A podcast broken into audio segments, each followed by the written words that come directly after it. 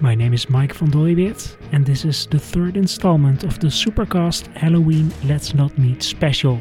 The stories in this episode can be frightening and disturbing for some. Listener discretion is advised. My special guest in this episode is Chills from the Top 15's YouTube channel. Or is it a poor imitation? Enjoy the show. The following happened to me about 10 years ago. I was visiting the pub with my boyfriend at the time. We really enjoyed spending our Friday evenings in the pub, drinking and playing snooker or darts. That specific night, we decided to throw some darts. We're not exceptionally good at playing, but the fun is more important anyway.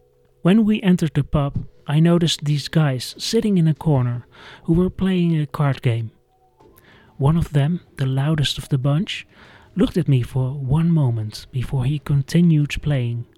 He had his wild eyed stare. At that moment, I really didn't think much of it, so we continued our way towards the dartboard. My boyfriend and I ordered our drinks and got ready to play some darts.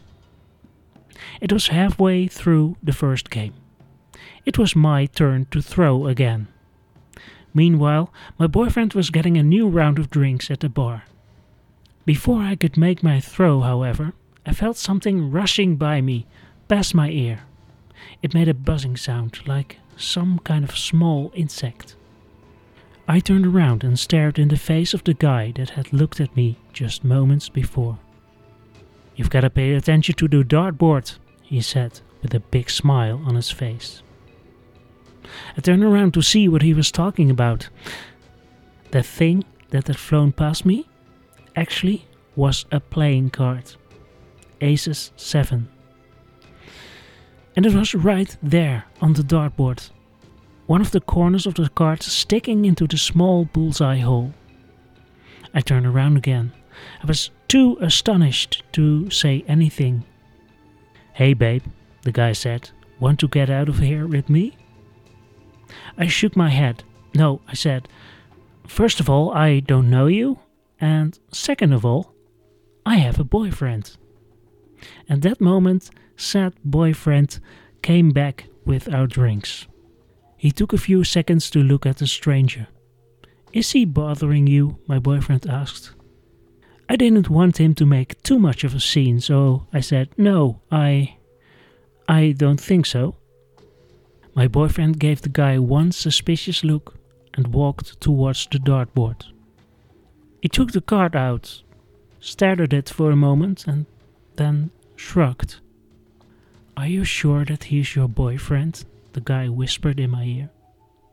I'm very sure, I whispered back. That, I decided, would be the last thing I would say to him. I'd already given him more attention than he deserved. I threw my darts at the dartboard. It wasn't a very good throw because I couldn't really concentrate on the game.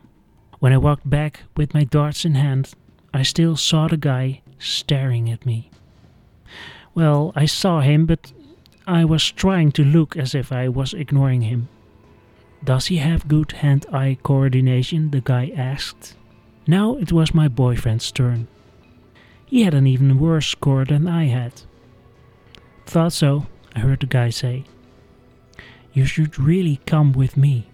I could learn you a thing or two. This time I couldn't resist it any longer. I turned around one more time and told him to back off. To my surprise, he reacted by bringing his hand to my hair. He did it with incredible speed. I didn't even feel his fingers in my hair. He turned around swiftly and threw something at the dartboard. It didn't take me long to find out what he threw, as I felt strands of my hair falling in my face. He had taken my hairpin. The black pin was now sticking in the bullseye hole, just a few centimeters from one of my boyfriend's darts. This time my boyfriend had enough of him. He walked towards the guy and held up his hands menacingly.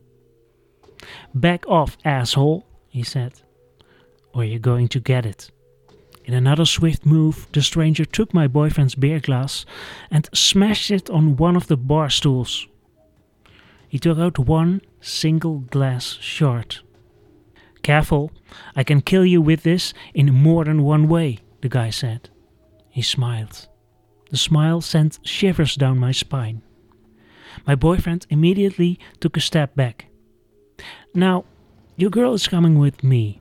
She doesn't deserve you, the guy said. But at that moment, two broad arms were wrapped around his middle. A bouncer had come into action. He was dragging the stranger in the direction of the exit. Another bouncer accompanied him, just in case. The guy, however, stayed calm.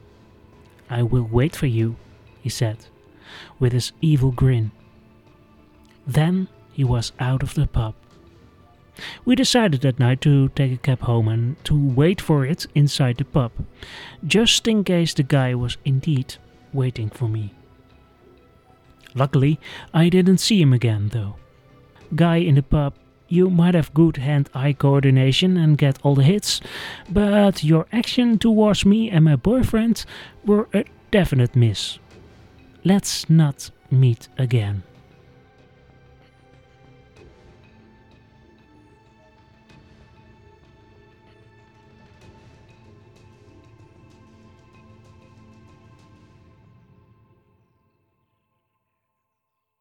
When I was a little boy, I lived with my parents in this New York apartment, smack in the middle of the city.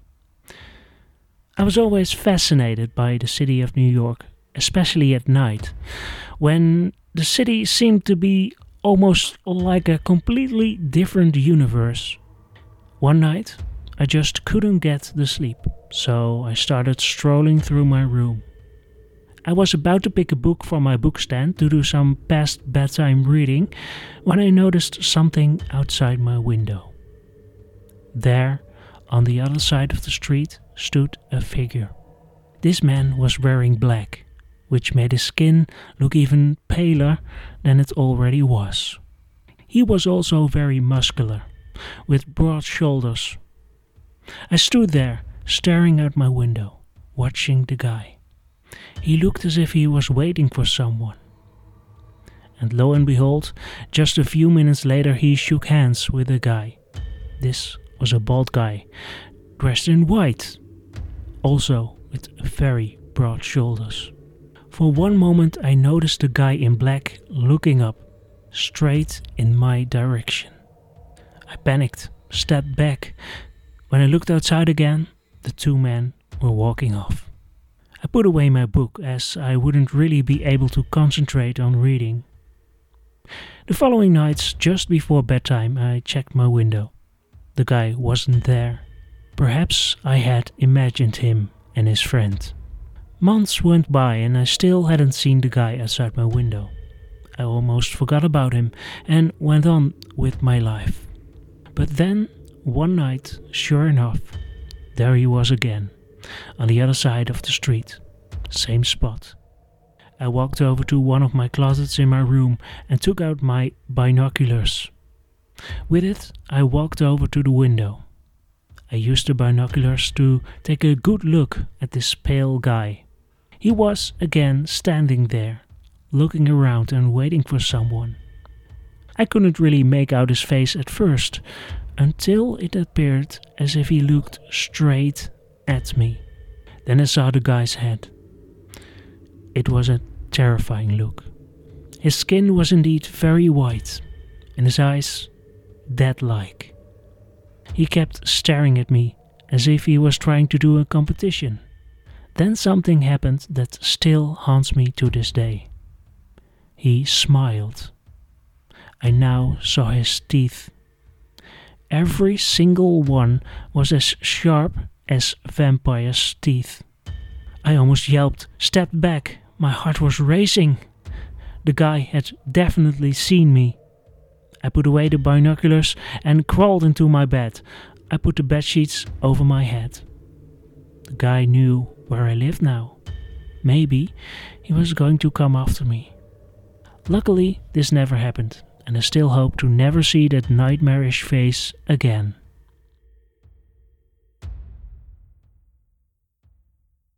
Number 15. This looks like a video of an ordinary biker ride. Guess again. Because if you look closer, you will see that just for one moment an apparition appears on his face. You can also see a fiery bright light. What is happening here? Would you dare to hitch a ride with this guy? I certainly wouldn't.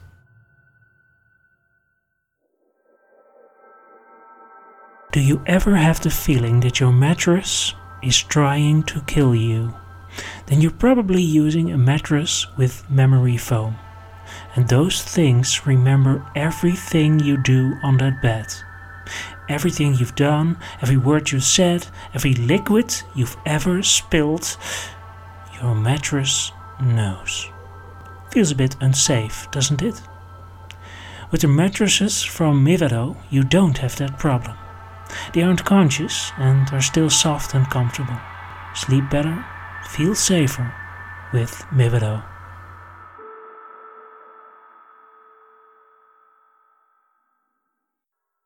This happened when I was 16 years old. One day, when I was home all alone, the doorbell rang. I thought it was one of my parents who forgot to bring their keys with them. When I opened the door, I saw a strange man sitting on the other side. That's right, sitting, because this man was in a wheelchair. The most noticeable other feature of this man was that he was bald. Good afternoon, he said.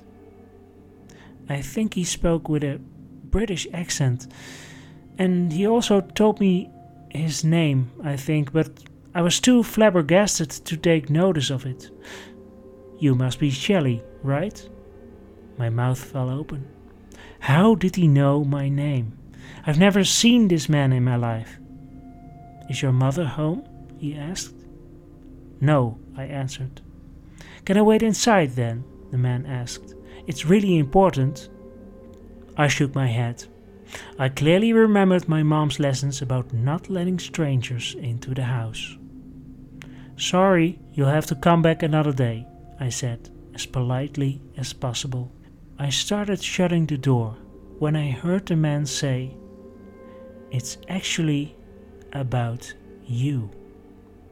Completely baffled, I opened the door again. I, I frowned. I know what you can do, he said. Don't be afraid. I can help you. I was confused. What would this guy know about me? Sorry, I said again, you have to leave, otherwise, I'll call the cops. I'm sorry if you feel that way, the bald guy said, but I understand. Can I at least wait here? I have important matters to discuss with you and your parents. Admittedly, he had a very honest look about him. He, it was a certain glimmer in his eyes, but looks can be deceiving. I wasn't taking any risks.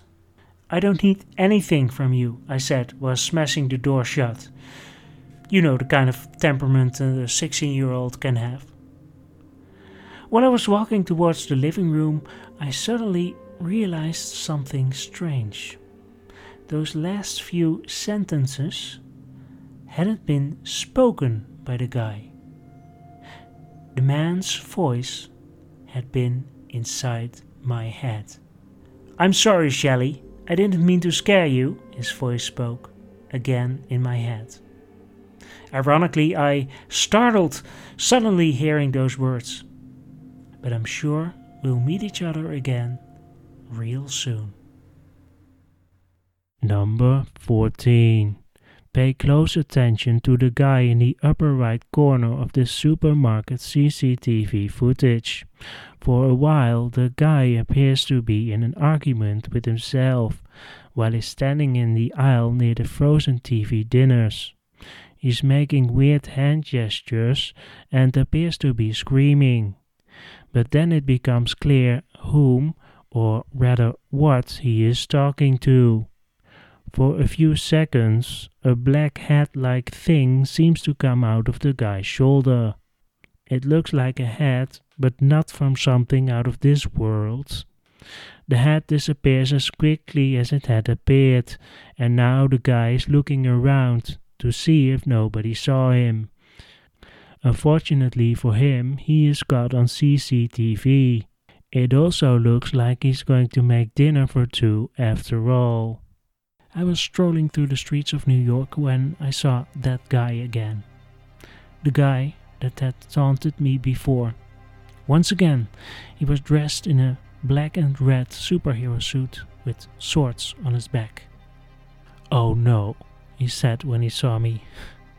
You're not doing the, one of these Halloween specials again, eh, are you? Let me guess, you're going to use me as the butt of the joke at the end of the episode again? How original. By the way, you're really scraping the bottom of the barrel. And you're recycling now? Well, at least you think about the environment. Please stop, okay?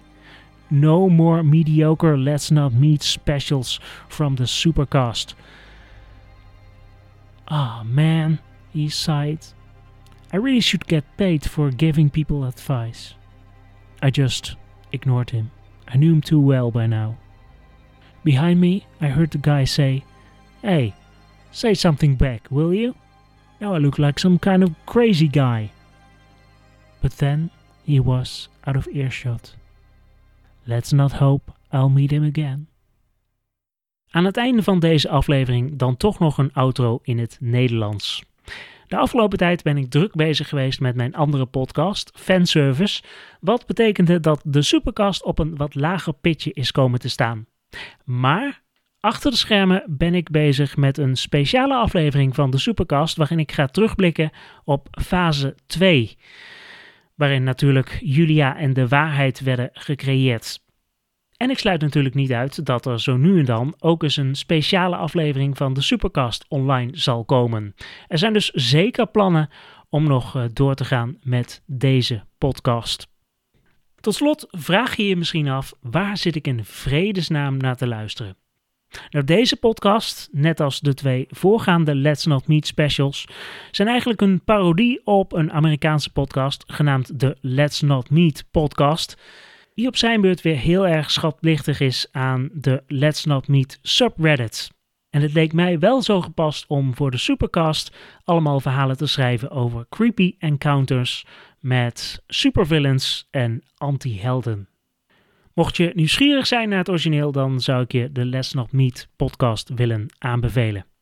Ik spreek je de volgende keer weer. Is het niet in deze podcast, dan wel in fanservice.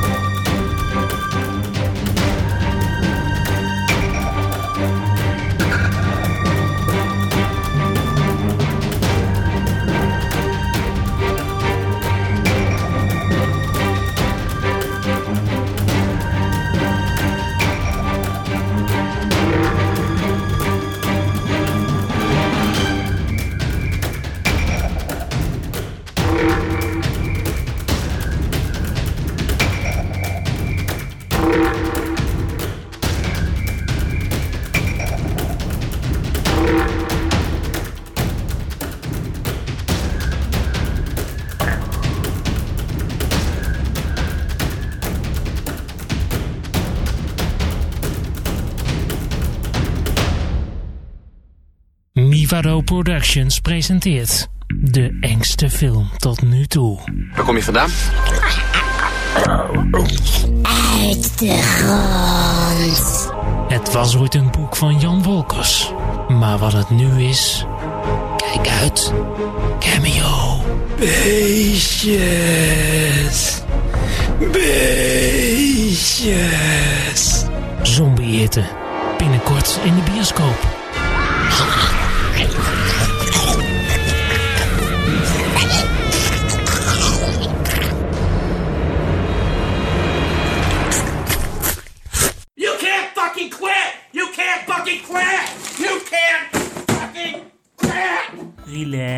Op audiogeeks.nl vind je nog veel meer toffe geek podcasts. En die zijn stuk voor stuk. Awesome. Check het zelf op audiogeeks.nl.